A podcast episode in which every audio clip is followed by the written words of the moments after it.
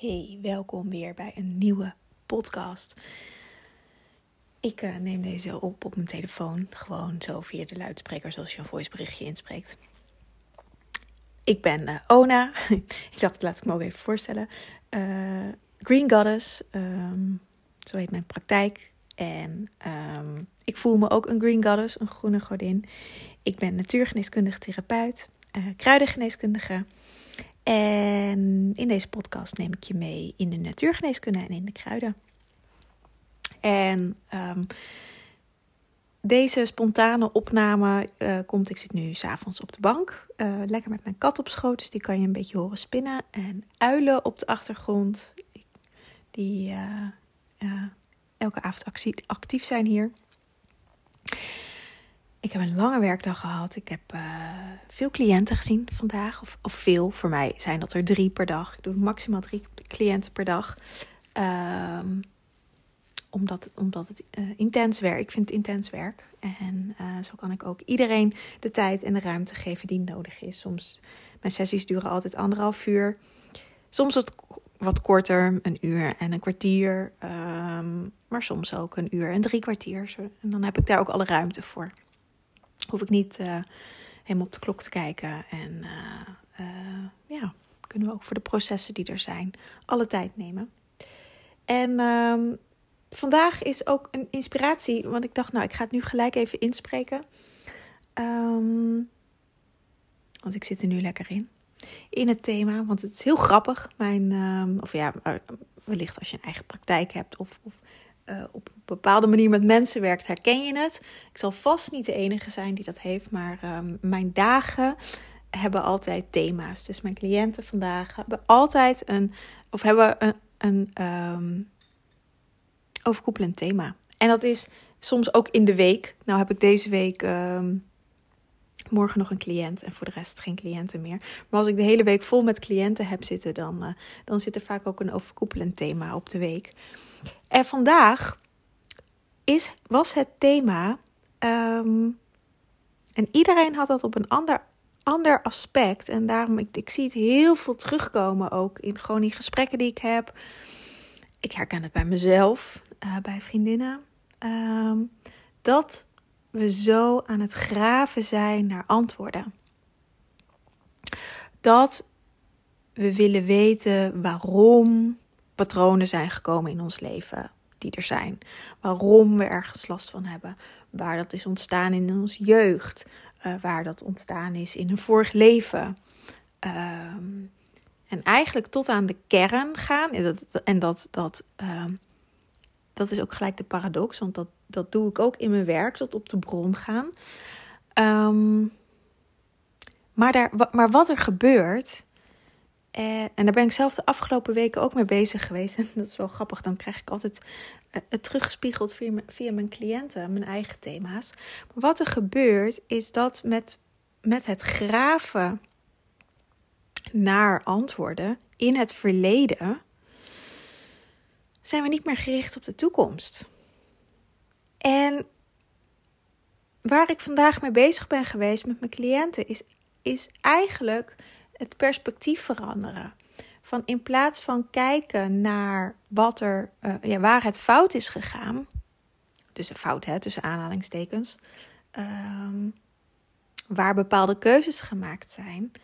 Vooral, we zijn vooral gaan kijken naar, maar wat wil ik eigenlijk? Wat is mijn verlangen? Waar wil ik naartoe? Waar wil ik mijn toekomst op richten? Dus letterlijk zijn we om gaan draaien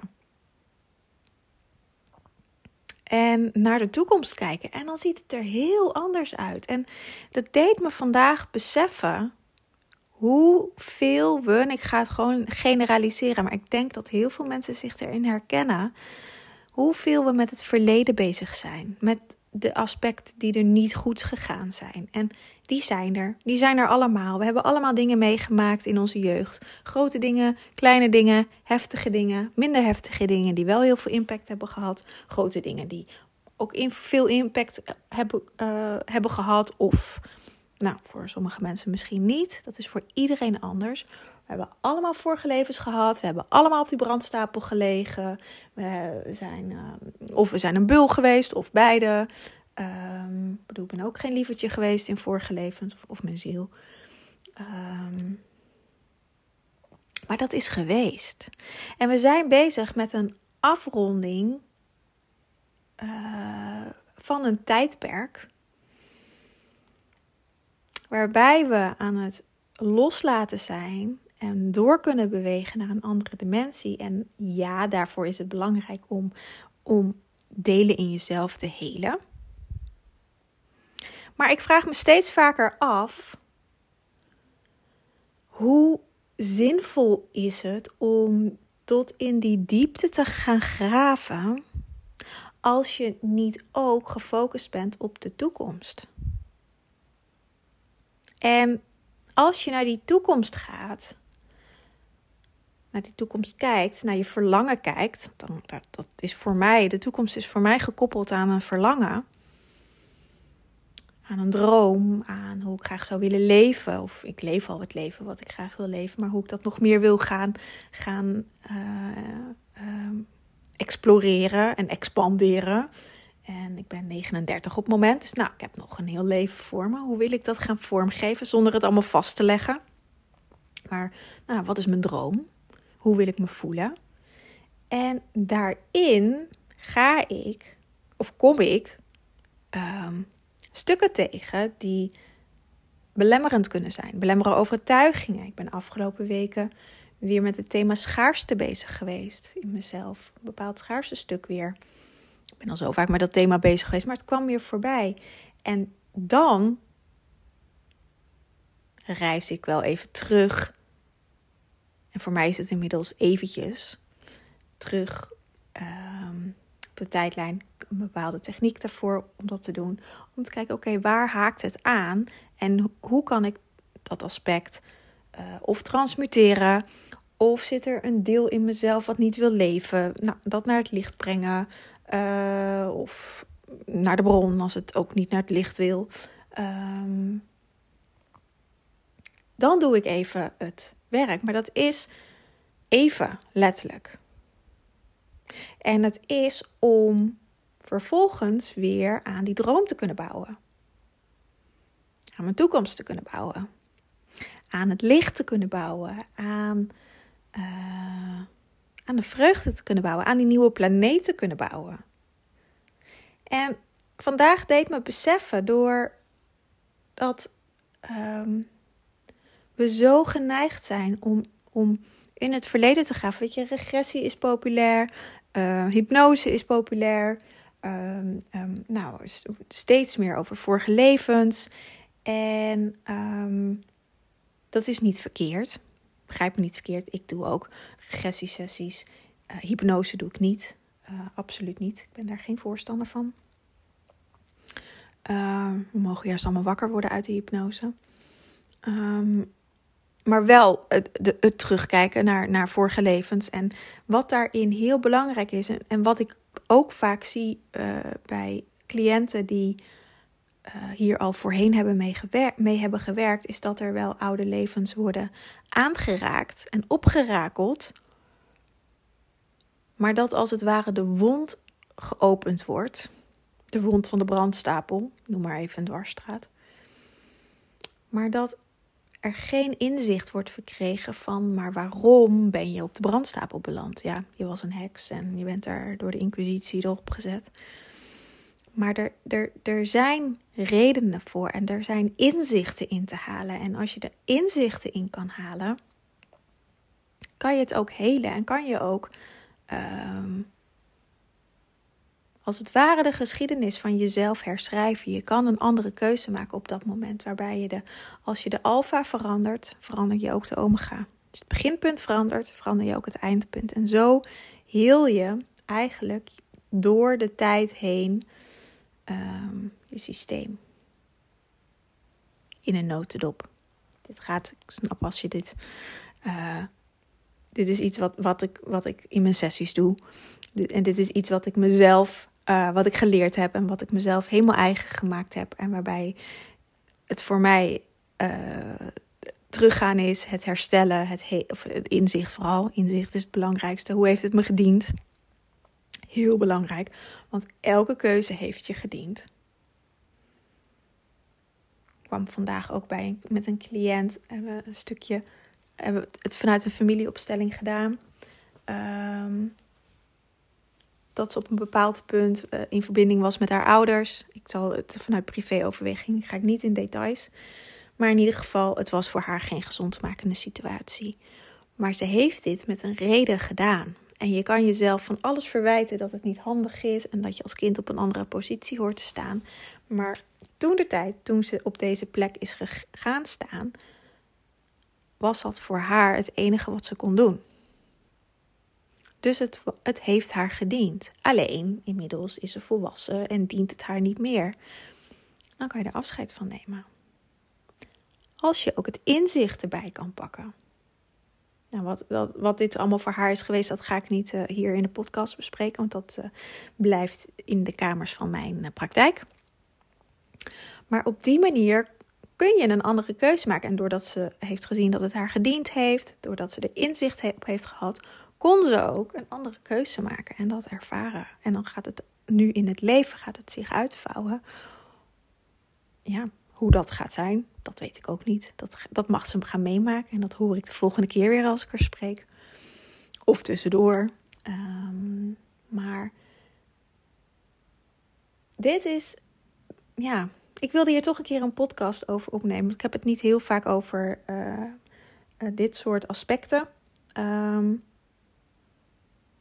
maar ik denk dat het heel belangrijk is, omdat schaduwwerk is ook uh, heel populair. En over het algemeen hoe er over schaduwwerk wordt gepraat, dat vind ik geen schaduwwerk.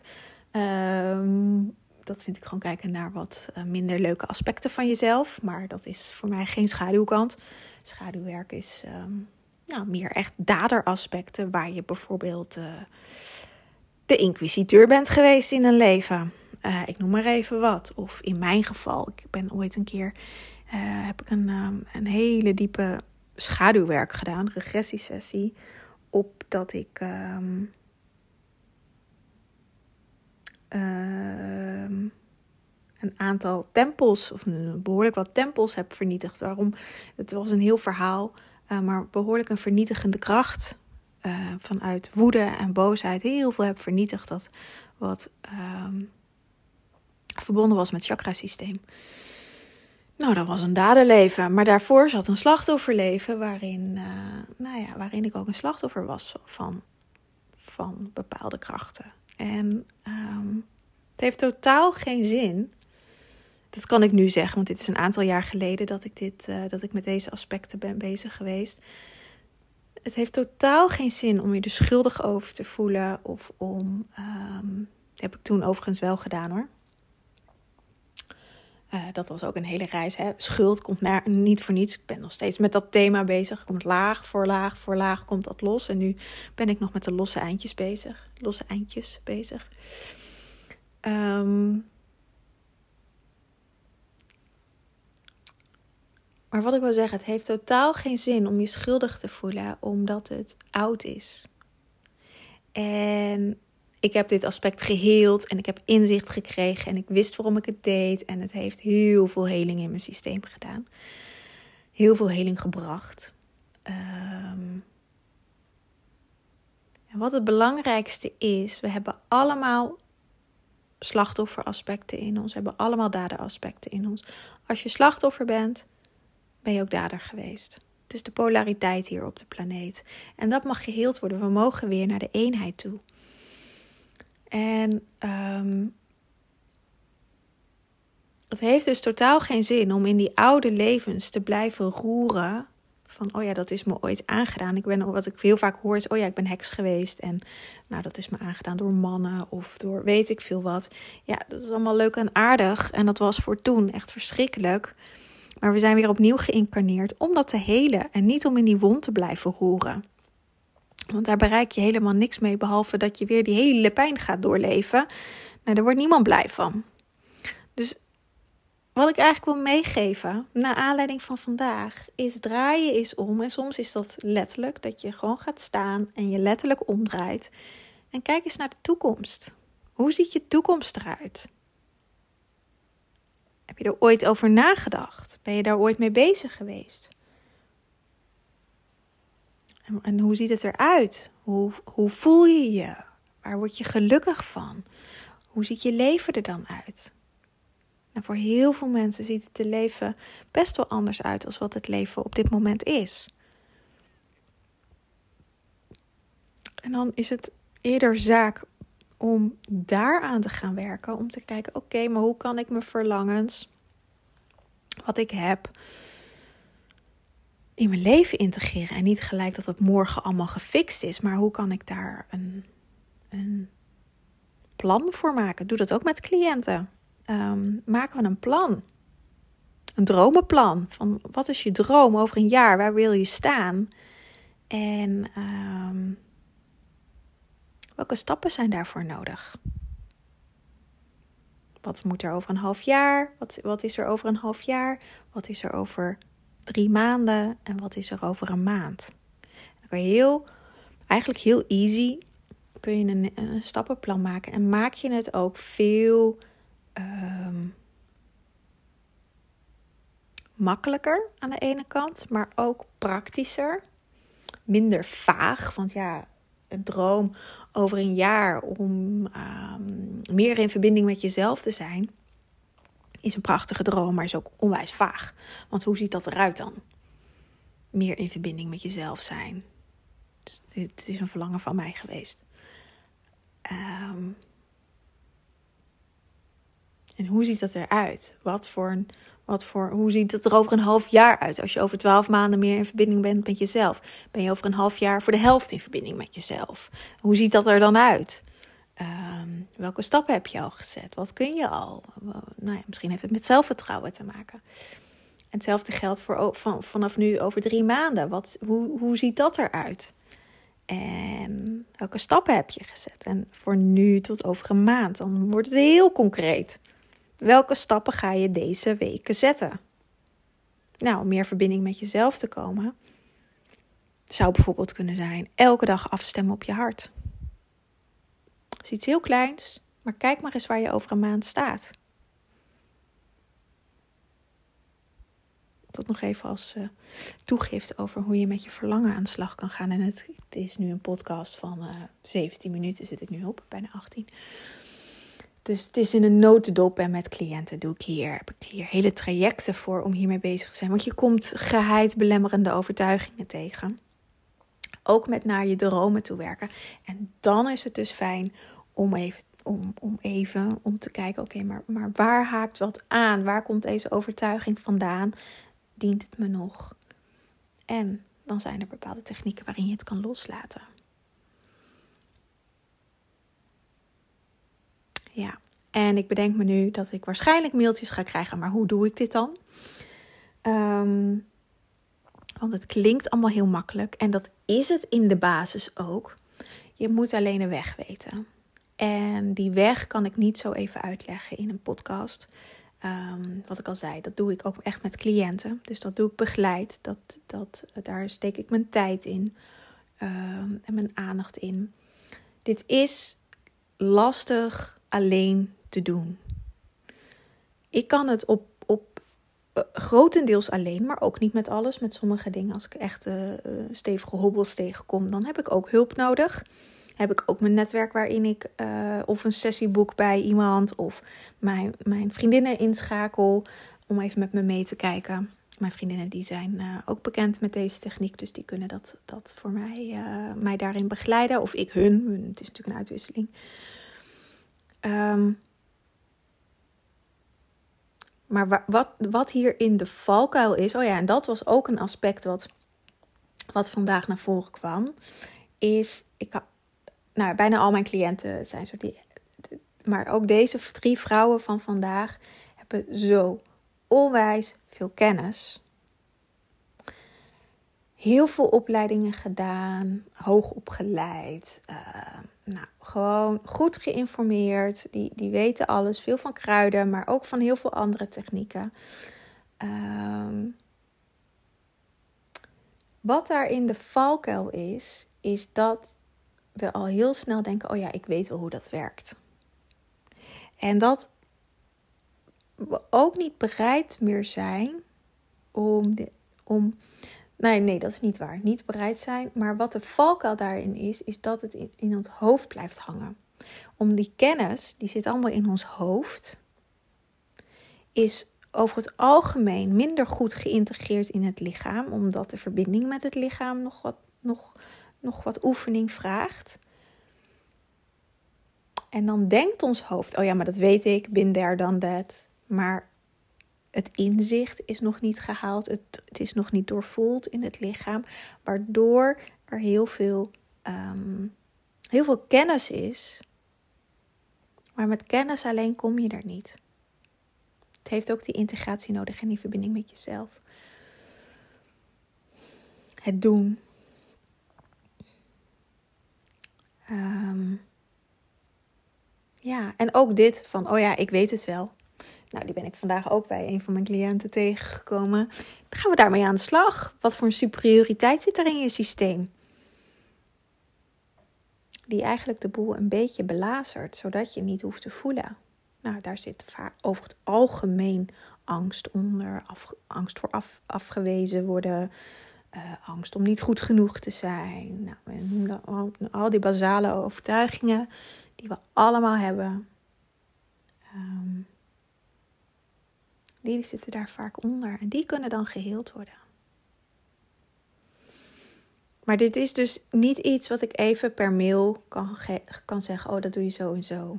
Want die moet zorgvuldig mee omgegaan, zijn, omgegaan worden, omdat je ook met trauma-aspecten te maken kan hebben. Uh, we hebben allemaal een systeem wat liever niet naar de pijn toe gaat. Um, en dat, is, dat vraagt vaak begeleiding. Uh, of dat vraagt gewoon begeleiding. En op een gegeven moment, weet je, ik heb dit ook geleerd. Op een gegeven moment kun je het zelf. Um, maar ik, ik ben hier al, ik heb dit uh, nou, al een aantal jaar geleden gewerkt, geleerd. En door het elke keer zelf toe te passen, um, word ik er steeds bedrevener in. Um, ja, dus realiseer je dat goed dat het um, heel veel dingen kunnen we zelf. Maar als je constant dezelfde thema's tegenkomt, dat is een goede graadmeter kom je constant dezelfde thema's tegen en wees daarin dan ook eerlijk naar jezelf. Want uh, bijvoorbeeld schaarste kan op heel veel verschillende fronten uh, naar voren komen. Denk bijvoorbeeld aan, nou geld is het meest bekende natuurlijk, maar ook um, hoe voel je jezelf? Ben je jezelf dingen aan het ontzeggen? Um, wat zijn je gedachten? Nou ja, er kan schaarste zijn in uh, je werk. Dat het op zich financieel best wel doorloopt, maar dat, dat, er daar wel een schaarste in zit.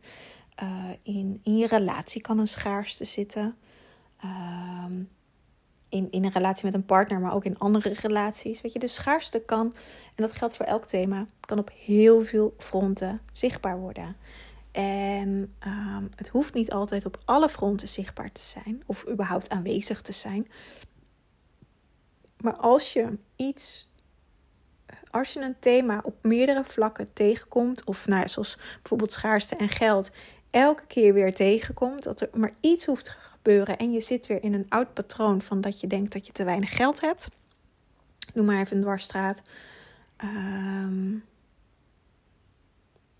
dan is het vaak lastig om daar zelf mee aan de slag te gaan. Omdat je het vaak waarschijnlijk al heel veel geprobeerd hebt. En dan is er ehm, iemand anders nodig die je even een bypass kan geven. Die je een ander denkpatroon kan geven. Die je een andere weg kan geven. Waardoor je daar makkelijker doorheen kan bewegen. En niet dat ik dat per se moet zijn. Ik bedoel, uh, mijn podcast wordt behoorlijk goed beluisterd. Ik kan niet iedereen be um, begeleiden natuurlijk. Maar uh, ik zie ook om me heen dat mensen het allemaal alleen willen doen. En dat werkt ook niet altijd. Sterker nog, dat werkt eigenlijk nooit. Omdat je daarin ook je eigen oogkleppen hebt. En uh, je blinde vlekken. En je saboteurs. En um, soms heb je gewoon iemand die even uh, zegt waar het op staat. Heb je iemand nodig die even zegt waar het op staat. Er zijn nog een cliënt vanmiddag dat ik de vorige keer een beetje streng was tegen haar. Nou, en dat was ik ook. Dat ben ik af en toe. Ik ben niet uh, een zachte heelmeester. Ik ben heel lief en ik heb heel veel geduld. Um, maar soms is het nodig voor mensen om gewoon eventjes te horen waar het op staat. En dat is niet leuk. Maar daardoor is ze wel in beweging gekomen. En dat was het doel. Ik bedoel, we hoeven geen vriendinnen te zijn. Um, dat hoef ik niet met mijn cliënten. Ik heb een andere rol hierin. mensen betalen mij om, uh, om gezonder te worden, om, om meer in contact met zichzelf te zijn.